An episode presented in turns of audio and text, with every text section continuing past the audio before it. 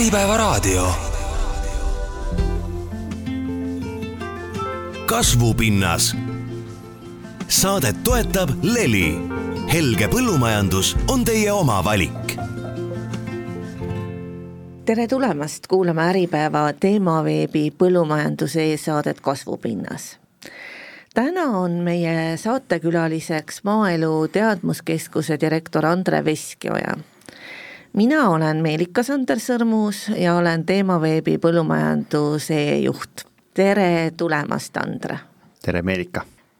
räägime, mis asutus on Maaelu Teadmuskeskus, et aasta alguses tekitati selline suur ühendasutus, et mis see siis endast täpsemalt kujutab? no suur on nüüd nagu suhteline, aga tõesti, esimesest jaanuarist siis on loodud äh, Maaelu Teadmuskeskus, mis loodi siis kahe Maaeluministeeriumi, tol hetkel oli veel Maaeluministeerium, äh, siis kahe Maaeluministeeriumi all olevast asutusest, ehk et siis Eesti Taimekasvatuse Instituudist, mille peakontor oli Jõgeval, ja siis Põllumajandusuuringute Keskusest, mille peakontor oli Sakus. ning täna siis on äh, kuskil noh, kui nüüd läheme selle suure definitsiooni juurde, siis on kolmsada inimest selles asutuses tööl, jah mm. -hmm. see on ikka suur meie sektori kohta. ja põllumajandussektori kohta on suur, noh riigis on oluliselt suuremaid organisatsioone just aga, aga räägi, räägi siis natukene veel täpsemalt, et ma tean, et teil on esindused Jõgeval, Sakus, Kuusikul, Viljandis ja, ja mis nendes esindustes toimub? jah, et täna oleme siis kokku kaheksas erinevas asukohas, meil on, mida me nimetame ise kontoriteks, kus ennekõike inimesed teevad siis äh, sisulist tööd, on Kuressaares on kontor, on Jänedal kontor ja on Tartus kontor. Äh, siis on meil kolm katsekeskust, kus me siis teeme majanduskatseid, teeme teaduskatseid. Need on meil siis Viljandis, Kuusikul ja Võrus ning siis on siis kaks sellist suuremat keskust. et äh, laborikeskus on meil siis Sakus, et selle me just siin avasime nüüd mais ja, ja siis selline nagu rohkem teaduse ja, ja põld, noh siis nagu teaduse põldkatsete keskus on siis Jõgeval, mis on siis noh, ütleme väga pikalt olnud ju sordiaretusega seotud Jõgevast. aga siis äh, räägi, räägime natukene sellest meeskonnast, et äh, sina oled uus juht, kuidas sa oma tiimi oled äh, komplekteerinud, see kõlab, see on natuke imelik sõna, aga, aga ütleme siis äh, tööle saanud ja sinna, sinna inimesed leidnud? uus juht ma selles mõttes jällegi ei ole, et äh, Eesti Taimekasvatuse Instituudi direktor ma olin ja kuna kaks asutust liideti, siis lihtsalt anti mulle nagu võimalus seda ühendasutust edasi juhtida, nii et siis et kolm pool aastat sain ma siis olla Taimekasvatuse Instituudi direktor ja, ja nüüd siis natuke üle poole aasta olnud äh, Maaelu Teaduskeskuse direktor ja kuna tegu on äh, teadusasutusega, siis teadusasutuse juhid on tähtajalise lepinguga, ehk et siis minu leping läks edasi ja, ja siis järgmise aasta kevadel on, on uus konkurss. aga kui me nüüd räägime siis äh, tippjuhtkonnast ja keskastme juhtidest, siis äh, asutusel on siis nagu kolm põhitegevust, on siis teadustegevus, on katse- ja laboritegevus ja siis on ka ettevõtluse innovatsioon. Nendel kõigil kolmel valdkonnal on oma asedirektor ja kaks nendest asedirektoritest on siis endised Põllumajandusuuringute Keskuse taustaga. Ja siis teadusasedirektoril tegime konkursi, täiesti avaliku konkursi, said kandideerida inimesest seest ja inimesest väljast. Ja Marko Kass on siis esimesest või siis nüüd teisest jaanuarist, ma ei mäleta, esimene jaanuar vist oli vaba päev, on teisest jaanuarist siis äh, teaduse asedirektor ja täna ka keskastme positsioone, ehk et siis osakonnajuhtide positsioone oleme täitnud äh, ütleme, see, kus oli meil majasisene inimene juba varasemalt olemas, näiteks Pille Sooveli taimekaitses, et noh, kuna see taimekaitseosakond säilis, siis seal oli Pille edasi, samamoodi näiteks on ka äh, labori, laborite juhid, aga need positsioonid, mis läksid siis uuesti täitmisele, et äh, seal siis olid jällegi avalikud konkursid. Ja, ja mõningates kohtades on võitnud siis majasisene kandidaat, mõningates kohtades on võitnud ka majaväline kandidaat et äh, üks jah, ma ei tea, kui nimesid mainida, et siis näiteks äh, Hans-Hannes Viira on tulnud meile tööle. praegu otsime nüüd just järgmisel nädalal algavad haldusosakonna juhtidega intervjuud, noh, kui päris aus olla, siis mina kujutasin ette, et mul on nagu märtsi lõpuks meeskond paigas nii, aga ei läinud nii ei ole, ei ole isegi mitte ligilähedane, et mul on tunne, et me saame siin heal juhul aasta lõpuks tegelikult nagu niimoodi keskastme tasemel nagu komplekteeritud. aga kogu aeg tuleb neid konkursse nagu juurde ja juurde ja juurde. noh, ütleme nii, et ähm, noh, praegu ju tegelikult, kui me võtame taimekaitse poole või kasvatuse poole, siis äh, ka see inimene, kes seal teeb äh, kas või neid põldkatseid Äh, ta peab ju ikkagi olema selle eriala inimene, et tänavalt ei saa tulla teie asutusse tööle ju. saab, tegelikult jaa, tegelikult saab, meil on ka täna asutuses täiesti positsioone, kus ainukene eeldus on see, et inimene tahab tööd teha. et äh, ütleme, katsetehnikud, kes meil põldudel on, kelle tööülesanded on väga täpselt reglementeeritud, mida nad tegema peavad siis äh, nemad saavad ka tänavalt tulla ja noh, Jõgeva kui ka Saku kontekstis või noh, võtame näiteks Sakus laborandi ta peab küll juurde õppima, aga kõik see juurdeõppimine on tehtav majas sees. kui me nüüd läheme teadustöötaja juurde või läheme nagu kesktaseme spetsialisti juurde, siis tõesti noh, praegu jällegi on üleval mulla keskuse koordinaatori positsioon, ta natukene peaks mullast teadma, et meile kandideerida või lõpuks valituks osutuda nojah, ma, ma, ma nagu eeldan küll, et mina olen ka neli aastat ikka mullateadust õppinud, aga, aga aeg on edasi läinud, eks ole, ja, ja just see uued tehnik, tehnilised asjad tulevad ju peale, mida, mida tegelikult ju ei, ei tea, eks ole. jaa, aga siin on jällegi see, et me täna ei eelda, et alati inimene peab olema kohe selle valdkonna tippspetsialist. et äh, mis on meie jaoks oluline, see, et inim-, inimesel peab olema nagu siis noh, heas mõttes sisemine põlemine või tahtmine areneda kui tal see on olemas, kui suhtumine on olemas, siis äh, oskused on omandatavad. et äh, täna see noh, teadus areneb niivõrd kiirelt, et äh, meil ei ole Eestis inimesi, kes alati suudavad kõigega kursis olla ja, ja seetõttu me täna näiteks oma parimaid noori saadamegi Eestist väljaspoole õppima. et siin on meil doktorante, kes kes ongi, on saanud täisstipendiumi näiteks äh, Ameerika Ühendriikidesse Cornelli ülikooli, ehk et äh, täna õpib METKi töötaja äh, põllumajanduslikus ülikoolis, mis kuulub siis top kahekümne ülikooli hulka maailmas. meil siin nüüd üks teine, kes alustab loodetavasti sellel sügisel doktorantuuri, ole otsustanud, kas ta läheb Saksamaale või ta läheb siis Inglismaale õppima uusi aretustehnikaid.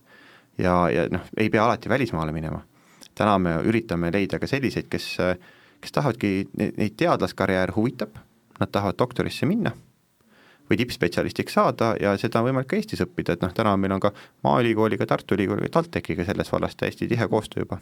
Tahtsingi küsida just, et meie Eesti kõrgkoolide kohta, et, et see koostöö mis laadi see koostöö on, et, et kas, kas teie juurde tulevad ka tudengid praktikale, et kas sealt võiks ju tulla nii-öelda nooremat järel, järelkasvu? Jaa, tuleb. ja, ja tegelikult me olemegi väga häid töötajaid, me olemegi täna võtnud teadliku suuna, et me väga soosime, et nii kutsekoolides kui ka ülikoolides tuleks meile praktikandid, sest see on meie jaoks esimene võimalus inimest näha, teda tundma õppida. Ja kui me näeme temas potentsiaali ja tema on ka huvitatud meist kui tööandjast, siis me üritame ta ikkagi täna juba METK-iga siduda. ja siis noh, läheb õppima siis Eestisse, läheb õppima välismaale. mis ülikoolide kiituseks tuleb öelda, kõikidel ülikoolidel on tegelikult see, et kõik nad näevad täna METK-i väga tugeva koostööpartnerina. et äh, tahetakse teadusprojekte teha oluliselt rohkem kui enne, kui meiega koostöös siis, meil on väga tugev praktikabaas, meil on juba viimasel ajal väga tugevad investeeringud, et see on METK-i sellist äh, teaduskoostööd ja meie nähtavust suurendanud nii Eestis kui välismaal. aga kui sa nüüd äh, veidi täpsemalt räägid, et mis seis teil praegu hetkel on selle, selle ütleme just näiteks teadlaste poolega, et sa mõtled nüüd, et teadlaste järelkasvu, teadlaste keskmist vanust, missugusesse valdkondadesse no, me teadlasi vajame? aga just äh, kõike seda ma mõtlengi äh, täna ikkagi ütleme niimoodi, et meil on olnud selline päris tugev auk sees minevikus Äh, et teadlaste keskmine vanus on, meil, meil, meil on justkui nagu üks põlvkond vahelt puudu. miks see nii on? et mingil hetkel oli teaduse rahastus väga väike ja põllumajandusteaduse rahastus veel eriti väike. et meil on täna väga tublid kahekümne viie kuni kolmekümne viie aastased ja siis justkui järgmine põlvkond hakkab viiekümnest ja viiekümne viiest, aga tegelikult see nelikümmend, nelikümmend viis on nagu puudu. et täna kuuekümneaastased kasvatavad endale järelkasvu. ja, ja seal peaks olema üks neljakümne viiene vahel äh, aga täna õnneks see, see olukord nagu paraneb, et noh, väga nagu kõnekas näide, meil kaks aastat tagasi läks üks doktorant õppima, eelmisel aastal läks meil kolm doktoranti õppima ja loodetavasti see aasta läheb viis-kuus doktoranti õppima. et äh, ja täna ka inimesed kaitsevad järjest nagu doktorikraade. Ja mitte ainult nagu teaduse poole pealt, vaid tegelikult noh, mis on nagu üks äh, METK-i loomise selliseid nagu mõtteid, oli see, et ju koondada kahe asutuse äh, sünergiat ja kompetentsid kokku et täna me näeme, et ka labori inimesed tegelikult võiksid sellest või labori analüüs, läbi selle ka sektor võiks võita sellest, et teadlane on seal juures. et ühest küljest me suudame võib-olla seda labori analüüsi paremini lahti seletada, me suudame seda labori analüüsi tulevikus paremini arendada ja me suudame ka selle labori analüüsi baasil juba näha mingisuguseid muutuseid, on see siis taimekaitses, on see mullas, on see, ma ei tea, seemne tervises, kus iganes. aga nüüd ikkagi veel seal, seal paar sellist mõtet veel selle järelkasvu osas, et sa ütled, et noori tuleb praegu peale nii-öelda ja teadusesse ja ja just põllumajandusteadusesse. Äh, jah, aga see tähendab ikkagi täpselt seesama, et me ise käime neid käime neid luuramas, noh inglise keeles ma ütleks nagu skautimas, eesti keeles võib-olla, me käime neid luuramas. Eesti on äärmiselt pisikene, me tunneme neid õppejõude, kes õpetavad ühes või teises või kolmandas ülikoolis, me täna nagu päris otse lähemegi õppejõu juurde, ütleme, kuule, nüüd olid bakalaureuse ja magistri lõpetamised, ütle mulle, kes kursustel või kaitsmistel silma paistsid. Ja siis me saamegi minna, et äh, Meelika, me kuulsime, et, et sa lõpetasid väga heade tulemustega, kas sul on töökoht olemas, kas teadus oleks sinu jaoks või, või mingisugune valdkond, mida MET täna teeks. ja mis ka nüüd töötab, on see, et kui mõnikord tuleb mõni väga hea magistrant, ta ka soovitab meid jälle, noh üks väga, meil on üks näide, kus üks inimene tuli ja tänu, tänu temale tuli meile veel kaks sama kursuse väga silmapaistvat nagu inimest. kui sa hindad nende noorte taset, et et, et noh, mina olen ka maaülikooli lõpetanud ja ja ma olen tegelikult lõpetanud sellise eriala, mis ikkagi ka eeldas äh, nii-öelda objektil käimist ehk linnatööstusmaastike planeerimise. ja tegelikult ma ütlen ausalt, et kolm korda käisime väljas majast, on ju, ehk et noh, mina, mina saan ausalt öelda, et äh, mingit praktilist haridust ma nagu tähendab, ütleme seda just seda käega katsutavat, et voh, nii on midagi tehtud, koolist nagu, kooli, kooliga siin seost ei olnud, on ju. ja loomulikult me õppisime igasugu IT-programme, KIS-i ja, ja kõike, kõike seda, on ju, mis on tööks vaja, on ju, autokäedega, aga põhimõtteliselt nagu praegu seda eriala enam ei olegi muideks Maaülikoolis, et, et see oli selline, eeldaski spetsialisti, kes oskas seda eriala õpetada. et see kokkupuude reaalse eluga oli tegelikult olematu, et kui sa nüüd vaatad neid noori, kes tulevad sinu juurde tööle, et äh, milline nende tase on?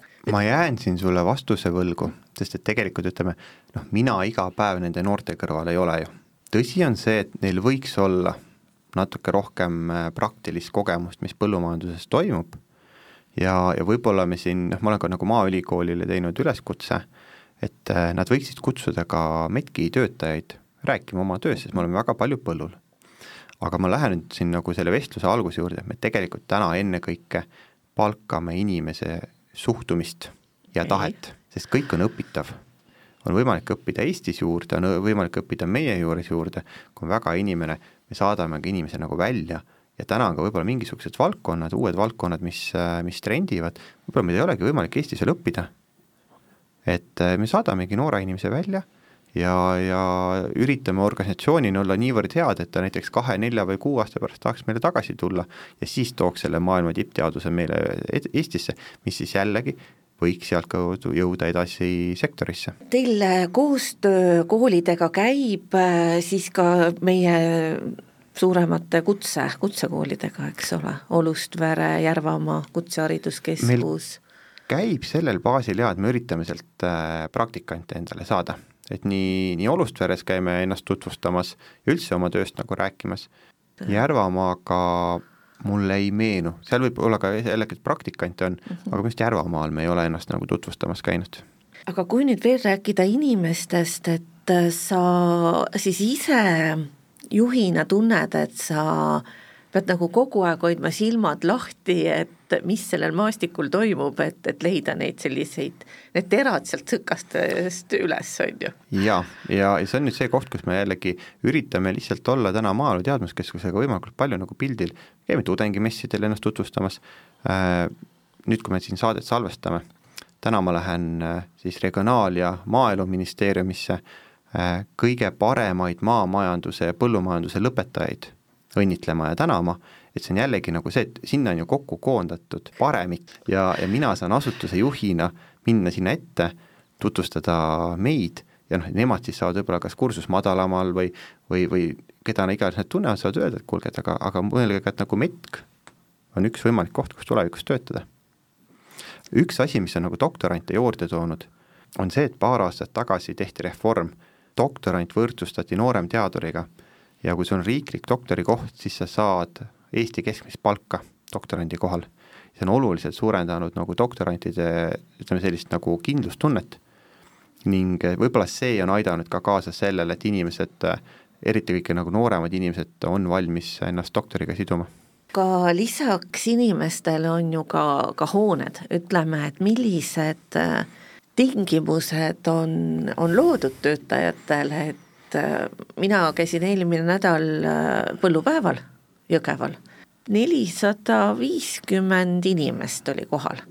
et see oli meeletu arv ja, ja kõik tundus väga uhke ja äge, et kaks uut, kaks uut hoonet on täiesti valmis, et räägi, mis teil seal, mis teil seal selles osas toimub, et sa nüüd ütled, et Jõgeval on kaks Jõgeval, uut hoonet valmis? just, et mis toimub äh, Jõgeval, mis toimub mujal veel? äh,. alustame siis sellest, et tegelikult äh, Sakus me avasime nüüd kevadel siis äh, uue rekonstrueeritud laborihoone aadressi või laborikeskuse aadressil Teaduse neli, mis oli siis nagu BMK endine peahoone ja, ja selle rekonstrueerimine maksis umbes kokku kümme miljonit ja võttis seal poolteist, kaks aastat ja tegelikult me näeme, et läheb veel aasta, et see maja hakkaks nagu lõplikult tööle, nii nagu planeeritud. et äh, see oli väga keerukas projekt ja siin nagu sügav kummardus äh, sügav kummardus äh, Pillele ja tema meeskonnale, kes sel hetkel käima lükkasid. aga mis seal keerulist oli?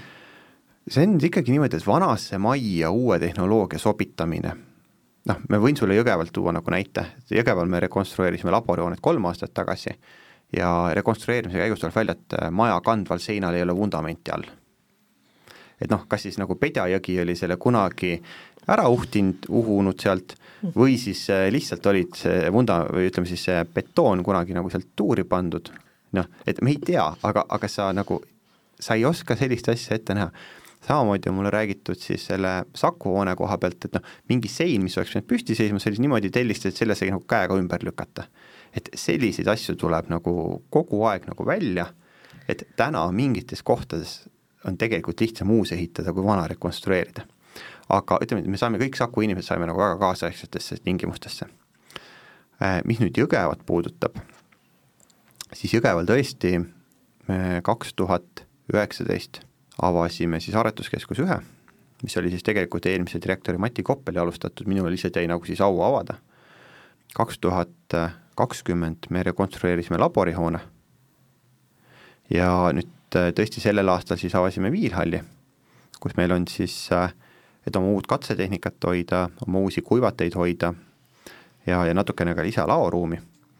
aga töös on meil siis praegu veel Jõgevale kolm uut hoonet, et me esimesest juulist ehk et siis tänasest siis kümme päeva tagasi hakkasime rekonstrueerima kasvuhooneid, et siis teadustööd paremini saaks teha, meil on täna sellised paarkümmend aastat vanad äh, kasvuhooned, mis ei vasta enam nagu kaasaegsetele tingimustele, kus ei ole võimalik temperatuuri reguleerida, tegelikult kui sul juba seal mõnikord aprilli alguses päike on kõrge, jahutada ei saa kasvuhoonet, kui sul on kasvuhoones juba pluss nelikümmend, siis seal sa nagu teadustööd teha ei saa, sest tegelikult sul taim ei ole pluss neljakümnes. aga me loodame need kasvuhooned valmis saada siis tegelikult juba aasta lõpuks.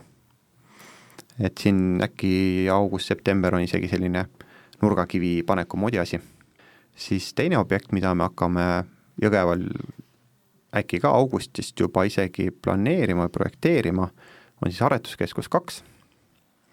et selle hoone jaoks on täna Riigi Kinnisvara teinud äh, otsuse, et äh, selleks on rahastus olemas. ja see ideaalis umbes aasta otsa projekteerime ja siis aasta otsa ehitame. äkki siis tänasest kahe aasta pärast saame avada seda hoonet, siis ideaalis võiks olla siis kahekümne viienda aasta suvi. Ja kolmas objekt, mida me siis Jõgevale vaatame, on uus peahoone. meie tänane peahoone siis on ka noh, lootusetult amortiseerunud. Ja kuna ka siis äh, Maaelu Teadmuskeskus hakkab päris palju vastutama teadmussiirde eest, me just olemegi nagu selle hoone puhul ka vaadanud seda, et meil oleks seal võimalik üritusi korraldada, et meie külalistel oleks seal mugav, oleks selliseid äh, rääkimise nurkasid, oleks multifunktsionaalsed saalid oleks neid hea toitlustada, oleks hea ligipääs nii tavainimestel kui ka invainimestel, kuidas on parkimine lahendatud. Ja ka, et meie teadustöötajad, nii meie tänased väga kogenud kui ka uued, kes täna õpivad, oleksid väga kaasaegsetes ja võrdväärsetes töötingimustes. Nii, igal juhul on seda hea kuulda ja, ja just Jõgeva koha pealt, et see on nii keset Eestit, et sinna on igalt poolt hea tulla ja kui seal tõesti tulevad sellised head konverentsisaalid, siis, siis hakkab seal elu keema. nüüd võiksime rääkida sellest, et mis on sellised ägedad uued projektid, millega, millega teie asutus praegu seotud on ja nii et mis on tulemas ja mis sellest võiks nendest asjadest välja koorduda, et mis kasu sektor äh, võiks äh, nendest projektidest saada? jaa, tegelikult äh, me oleme võtnud äh, täna siis Maaelu Teadmuskeskuses eesmärgiks, et kõik see, mida me teeme, peab jõudma lõpuks sektorisse. et mis võib-olla ongi nagu meie, lihtsalt me täidame ühte nissi, ülikool täidab teist nissi, ülikool teeb väga palju võib-olla nagu sellist nagu baasteadust, kuidas, mis toimub, aga meie peame lõpuks nagu, meie teeme sellel tasemel, et äh, et kuidas see ka nagu rakendusse jõuaks. ja seal mõnikord võib olla väga pikk vahe, see, kui me saame teada, mis toimub või ku-, kuidas oli, ja see, et ta nagu rakendusse jõuaks. Äh, mis meil uued asjad on, näiteks me hakkame uuendama väetamise abc-d. et tänane väetamise abc on ikkagi üsna vana, on tulnud äh, uuemaid väetiseid, et äh, selle projekti pikkus on neli aastat ja, ja nelja aasta pärast siis me peaksime suutma anda, noh, meil tuleb ju ka veel tegelikult rohelepe mm, -hmm. kus on vaja vähendada tahtsingi seda küsida, et, et kas te selle võtate ka aluseks, et kui tulevik, kuulajad võib-olla ei tea, aga, aga riik on seadnud endale sellised rohe-eesmärgid, et aastaks kaks tuhat kolmkümmend me peaks vähendama nii väetiste kasutust kui taimekaitset viiskümmend protsenti. Väetisi kakskümmend, leostuvaid väetisi kakskümmend, leostumist kakskümmend ja, ja ja poole, poole, poole vähem, kuidas seda siis noh, vot nüüd ongi küsimus, et kuidas seda teha. no selles mõttes ongi ju tegelikult METki eesmärk see, kui täna siis on see siis Euroopa Komisjon või riik võtab endale mingisugune eesmärgi, et me ütleks lihtsalt sektorile, kuule, siin on nüüd uued numbrid, hakka pihta, vaid tegelikult METki ülesanne olekski olla täna see, kes aitab, kui see asi lõpuks ellu hakkab jõudma, tulebki väga praktiliste soovitustega me tegime ühes katsekeskuses, me tegime teise tootja juures, vaadake, et proovige selliseid lahendusi, need võiks töötada. üks asi näiteks siis väetamise abc ähm,.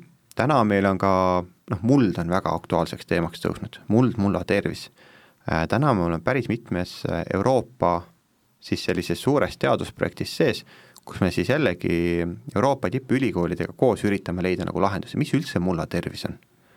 noh, et mis on terve inimene et, et me teame, et kolmkümmend kuus kuus on võib-olla selline keskmine kehatemperatuur, aga inimesed on erinevad.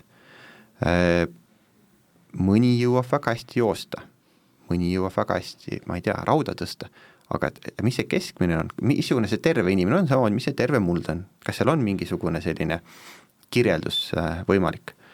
Äh, meil on ka projekt, et kuidas kalatööstuse jääkidest näiteks toota maheväetist noh, ringmajanduse poole nagu rohkem liikuda. Äh, siin on päris palju olnud juttu, et ka suuremad äh, siis karjakasvatajad hakkavad endale biogaasijaamasid rajama, aga seesama digestaat, mis sealt siis tekib, kuidas seda kasutada põllumajanduses. täna tegelikult Metk on päris paljudes rahvusvahelistes projektides sees me nagu järjest saame nagu kutseid ja kutseid ja kutseid. Nii et tegelikult äh, see, mida me siin enne ei rääkinud, on see koostöö ka muu maailmaga, et, et see on Metkis tugev? ta muutub järjest tugevamaks, et noh, mis ongi nüüd äh, ütleme, selle asutuse, suurema asutuse loomise positiivne külg on see, et tõesti mõlemal asut-, miks me tegelikult ju asutuse ühendamine anti asutuse juhtidele. et äh, nii, nii Taimekasvatuse Instituudi juhtkond kui ka Põllumajandusuuringute Keskuse juhtkond, meil oli nagu selge see, et meil nagu inimlikult on väga suured hirmud olid, et mis siis juhtub, kui me asutuse liidame. Ja täna kõik ei ole ideaalne. aga miks me lõpuks otsustasime, on seesama, et esiteks sektor on üks kontaktpunkt, kelle käest küsida, nii, ja, ja teiseks on see, et äh, see, see tohutu sünergia võimalus, mis oleks, et me suudame üksteist niivõrd palju täiendada ja selle kaudu saaks tootja nagu mingit praktilist lahendust noh, praegu mina nagu pigem ma ütleks, et mina tean metki ikkagi läbi taimekasvatuse, et noh mul on nagu see pool, et noh, ma tean ju, eks ole, et äh, juba sellepärast, et toimuvad need põllupäevad iga suvi, mis on väga, väga nagu noh, täpselt nagu eelmise nädala üritus näitas, sellist üritust on vaja, inimesed tulevadki üle Eesti kohale, oli Saaremaa inimesi, oli Hiiumaalt, oli Narvast, et, et tullakse kohale, vaadatakse katseid ja ja arutatakse ja, ja nii otsitakse nii head kui halba, eks ole, et, et kui ikka asi on kahtlane, siis seda põllule kasvama ei panda. aga selle loomakasvatuse pool, et mis sealpool toimub, et loomakasvatust äh, täna Maaelu Teadmuskeskuses teadussuunana ei, ei ole. ei ole üldse? ei, et selles mõttes äh, see on täna äh, Maaülikooli rida et samamoodi ei ole meil ka nagu marjakasvatust, mis on siis nagu polüajandusuuringute mm -hmm. keskuses, me tegelikult täna ikkagi nüüd ütleme, kui me vaatame teadus, teaduse valdkondasid, siis on taim, taimekaitse, biotehnoloogia, sordiaretus, muld, agrotehnoloogia, agroökoloogia, siis noh, majandusandmed, noh, kus me siis nagu justkui tegelikult ka loomakasvatajatega töötame, tulevikus siis ka teadmussiirdes Metk on vastutav, et see üritus saaks korraldatud, noh, ütleme niimoodi, et et kui Marko Kass kandideeris teaduse asedirektoriks, siis ma ütlesin, et tal on teaduse osakonnas on meil kõige suurem, see on siis kõige suurem valdkond, seal on sada viiskümmend inimest, et kui sa juhid sadat viitekümmet inimest, siis sul ei tohi jääda aega teadust teha. sina pead vaatama, mingites üksikutes yes. kohtades võid konsulteerida, aga aktiivne teadlane ei saa nagu olla.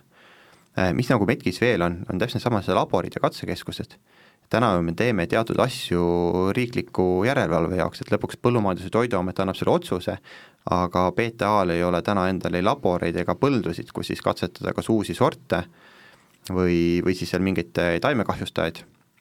ja siis noh, lõpuks kolmas ongi see, kuhu me võib-olla lõpus, vestluse lõpus jõuame, see, et, et teadmussiire. et tegelikult väga noh, jällegi, Medki kõige olulisem ülesanne on see, et Eesti ja kogu maailma parim teave jõuaks sektorisse nii, sa mainisid nüüd sõna teadmussiire, et võib-olla inimesed ei teagi, mis, mis asi see on, et, et noh, kes, kes ei ole põllu, äh, põllumajandussektoriga seotud, nad ei, nad ei hoomagi, et mis, kui palju tegelikult tehakse neid asju, kui palju on neid sündmusi, kui palju on neid õppepäevi, kui palju on konverentse kõikvõimalikke. räägi natukene, natuke sellest poolest ka siis, et, et et ähm, et noh, nii saab ju öelda, et me peaks jõudma massidesse, aga, aga, aga räägi sellest poolest, et, et mis on AKIS, mis noh, need on mm -hmm. nagu, nagu võõrkeel, eks ole, et, et ei pane, kuulaja ei pane muidu pilti kokku. eks tõesti, põllumajandussektor on siis võib-olla teistest sektoritest natuke erilisem, et siin on tegelikult äh, siis, ma võin nüüd eksida, aga minu arust on Euroopa Komisjoni poolt tuleneb nõue äh, et äh, sektorit tuleb harida ja, ja siis aidata.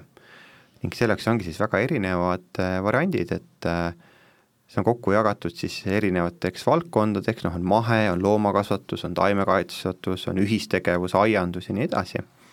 ja igas selles valdkonnas siis toimuvad erinevad üritused, mida siis noh, ütleme siis saame kaudselt öelda, mida siis tegelikult doteeritakse, et toimuvad konverentsid, kus siis äh, teadlased või siis koostööpartnerid või siis mõned väga silmapaistvad ettevõtjad äh, esinevad, mida nad, mida nad teevad, mis on nende uued teadmised, mida keegi kuskil näinud on.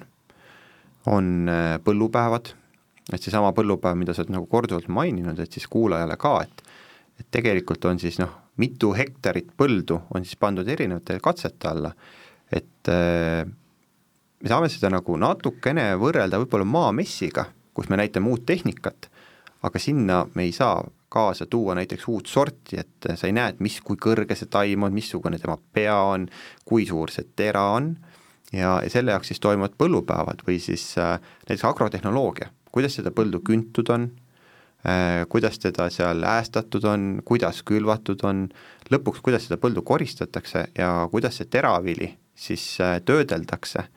et äh, selle jaoks siis korraldataksegi põllupäevasid, siis on tõesti seminarid mingi väiksema teema jaoks ja nad on ikkagi siis nii-öelda doteeritud, ehk siis neid rahastab ju Euroopa Liit ja ta on osalejale ju äh, üldjuhul tasuta. jaa, üldjuhul on ta tasuta, et selles mõttes, et tegelikult ju Euroopa, kui me räägime üldse põllumajandusest, ma võin nüüd siin eksida, aga minu arust nelikümmend protsenti Euroopa Liidu eelarvest läheb äh, põllumajanduse doteerimiseks.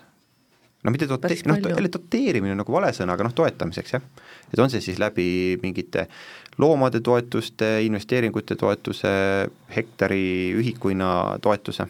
Noh vot, me rääkisime toetustest ja, ja tegelikult ähm, hästi palju on läbi käinud see mõte, et tegelikult on põllumajandus, on ka majandus, on ju, ehk, ehk äri. Milline sinu vaade selles osas on, et, et äh, kui tugev ärimees meie põllumees on ja ja nii-öelda, mida sellel suunal Metk äh, saab teha, et äh, et olla, olla ka selles vallas tegelikult nagu põllumehele toeks, sest et ega ega sageli ka põllumajandusettevõtjaid vaadates, et tal võib olla erialased teadmised või mingi taime, taimekasvatus, loomakasvatusharidus või tehniline haridus, aga just seda tavalist majanduspoolt ei ole nii palju. no see on jälle see koht, et, et täna sellist nagu päris majanduslikku teadust meil veel ei ole. me küll kogume vaaden ehk siis põllumajandusettevõtete majandusandmeid, aga seda me teeme jällegi teatud Euroopa Liidu siis nõuete täitmiseks, mis on siis liikmesriikidele pandud mida me saame teha ja mida tegelikult täna teeme, on see, et me saame anda äh, sõltumatut nõu, näiteks kuidas optimaalsemalt väetada. täna põllumees tuleb, tellib äh, mulla, noh ütleme, ta peab võtma siis mullaanalüüsid, et saada siis äh, täna PRIA-st teatud toetust ja see andmebaas on meil olemas muldade kohta.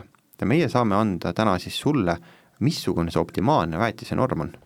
et tegelikult, kui me vaatame, nüüd on väetishinnad alla tulnud, aga siin, kui sõda algas, väetiste hinnad panin läbi lae, iga väetise tonn maksis peaaegu tuhat eurot ja, ja siis tähendabki, asi on väga kallis. siis võib-olla, kui sa saadki seal kümme protsenti soodsamalt või ütleme niimoodi, et sul tegelikult ei ole vaja, Eestis on mingisuguseid piirkondasid, kus võib-olla ei pea nii palju fosforit panema, kuna meil on Põhja-Eestis on teatud kohtades, kus see fosforikiht tõuseb üsna pinnale mm -hmm. ja, ja võib-olla seal ei olekski nagu vaja ja selle, selle kaudu saab siis tootja soodsamalt. või siis näiteks taimekaitse koha pealt, praegu niimoodi, et äh, nüüd sai just läbi me teeme ka taimekahjustajate monitooringut, ehk me üle Eesti vaatame, missugune taimehaigus hakkab kusagil tekkima. aga haiguse tekkimiseks peavad olema teatud eeltingimused täidetud, et võib-olla mõni haigus, mis tahab niiskust, aga kui ilmateade ütleb, et järgmise nädala aega nagu ei tule tilkagi, noh praegu ei ole sellist asja nüüd olnud nädal aega, aga, aga põhimõtteliselt, kui me nagu näeme, et, et see ilmastik ei toeta selle haiguse teket või levikut, me saame ka öelda, et tegelikult sul ei ole mõtet selle haiguse vastu praegu pritsida sellepärast et see haigus ei hakka levima. kui ta tahab niiskust ja meil on kuiv, siis ta lihtsalt sureb ise välja, nii nagu praegu me suvel nalja, noh, võtame Covidi, väga hea näide.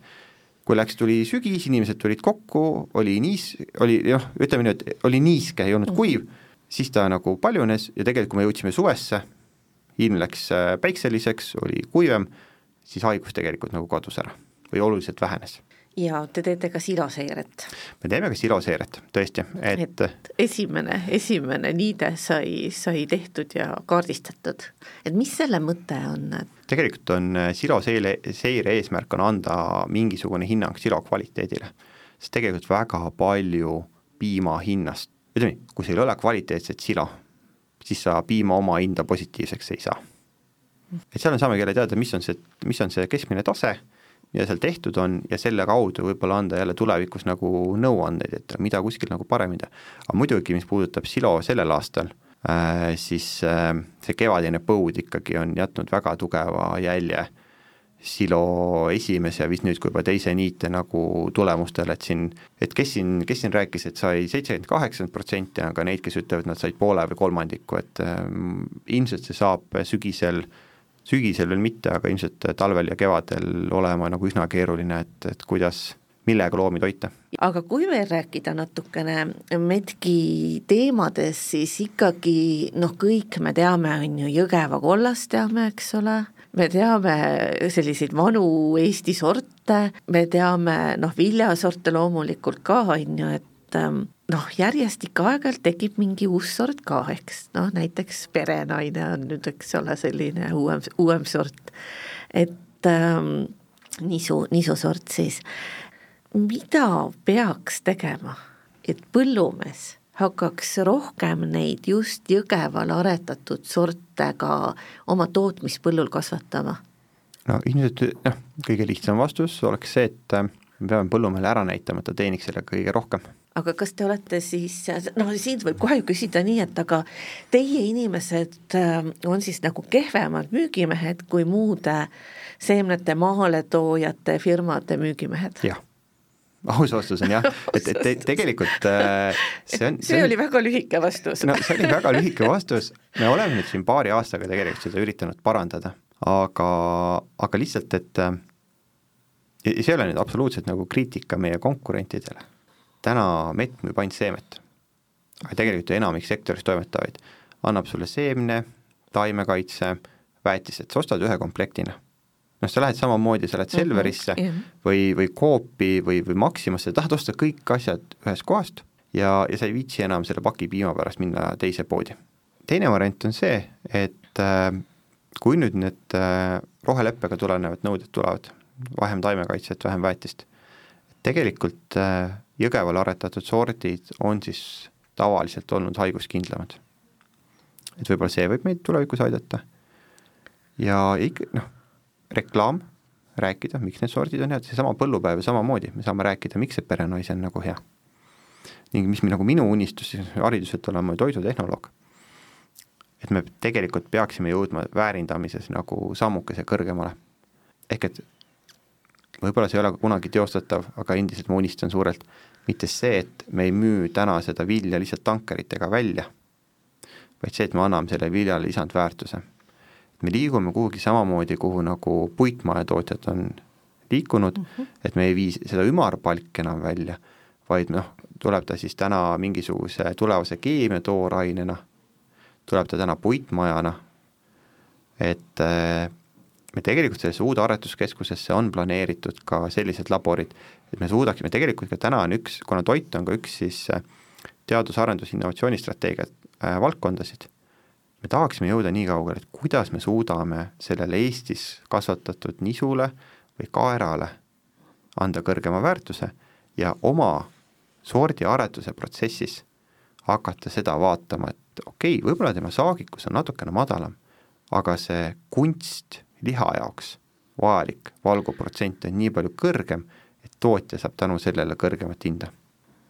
et äh, me peame tootjaga kaasa liikuma, et see meil aretatud sort sobiks ka hästi siis täna suurtootmise äh, seadmetele, masinapargile. nii et tegelikult iga asi, mida te teete oma, oma asutuses, on tegelikult äh, selline nagu ring, et äh, on teadlased, on, on pikk pikk, noh, pikk aeg sinna juurde veel, on ju, et katsetada, et kõike nii-öelda katsetada katselappidel, aga siis on veel ka tootjate tootmispõllud ju, kus te, kus te teete ka katseid, et kuidas see asi siis reaalselt välja näeb, on ju. Ja, ja kui saagikas ta on ja kui vastupidav see sort on, et see on nagu selline suur ring, et te, ütleme nii, et teie ei saa ilma põllumeesteta ja põllumehed ei saa tegelikult ilma teieta, on ju. no me tahaksime sinna jõuda, et et kui inimesed või kui põllumajandus, põllumajandustootja mõtleb metk või talle öelda metk, ta kohe mõtleb, missugust abi ta nagu metkist on saanud.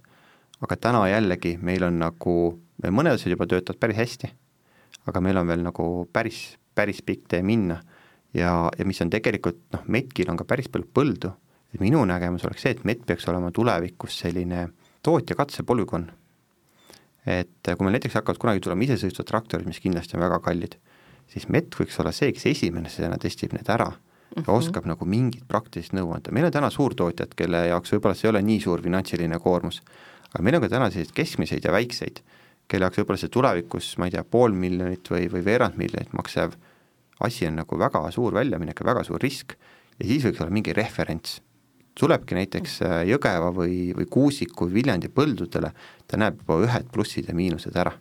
ja teine asi, me peame väga pikalt nagu suutma ajas ette näha, et äh, nüüd sellel aastal saab valmis siis ka Metkil oma põua katseala, ehk et muidu me alati sõltume oma sordiaretuse protsessis või oma katsete protsessis sellest, missugune just see suvi oli. aga nüüd meil tekib pisikene ala, kus me ütleme, aga siin on alati põud.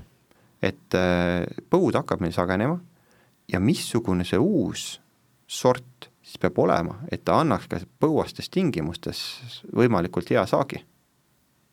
noh, Wageningen ülikool näiteks on jõudnud nii kaugele, et täna nad tegelevad puusortide ja liikide valimisega, mida peaks kasvatama aastal kaks tuhat kaheksakümmend.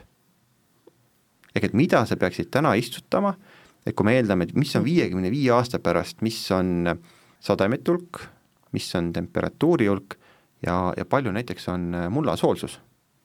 et noh, jällegi, me peame suutma ka sinna jõuda. samm ees kogu aeg. nii, sul, Andre, lõpetuseks on ka öelda mõni sõnum meie kuulajatele? Äh, jaa, kõigepealt äh, tänud, Meelika, et sa kutsusid, aga mul oleks siin tõesti, et kuna Maaelu Teadmuskeskus on alles loodud, me tegelikult toimetame sektori heaks. et siin nagu üleskutse, et, äh, kui te näete, et on mingid valdkonnad, mida MET võiks katta, mingisuguse teemaga koolitused, konverentsid, mida me võiksime teha, siis andke meile teada et äh, me üritame iga päev nagu suurendada oma läbikäimist sektoriga, aga me tegelikult veel kõike ei tea. ja, ja endiselt ma ütlen, me toimetame selle jaoks, et sektor oleks võimalikult konkurentsivõimeline, et kõik ideed on teretulnud ja tegelikult tore on näha, kuidas siin juba ka täna sellised avatumad eesrindlikumad tootjad on ise alustanud teatud üritusi, siin äh, nagu me sinuga arutasime, Aru Grupp tegelikult äh, hakkab äh, taastava põllumajanduse konverentsi tegema aasta algul, aga et jah, vett tuleb sinna hea meelega juurde, kui kellelgi teisel on analoogseid ideid, soove, siis andke meile julgelt teada. sellega ma arvan, et me võime tänase saate kokku tõmmata, mina tänan äh, sind, Andre, et sa tulid ja rääkisid Maaelu Teadmuskeskuse tegemistest. Ja aasta lõpp toob meile siis ka, ka selle nii-öelda uue teadmussiirde süsteemi, et sellest me saame siis rääkida juba täpsemalt, kui see aeg on käes, ma arvan. ja mina olen Teemaveebi põllumajanduse juht Meelika-Sander Sõrmus ja just sellest samast veebist põllumajandus.ee leiate ka tänase saate kohta üht-teist lugemist. aga suur aitäh! suur tänu!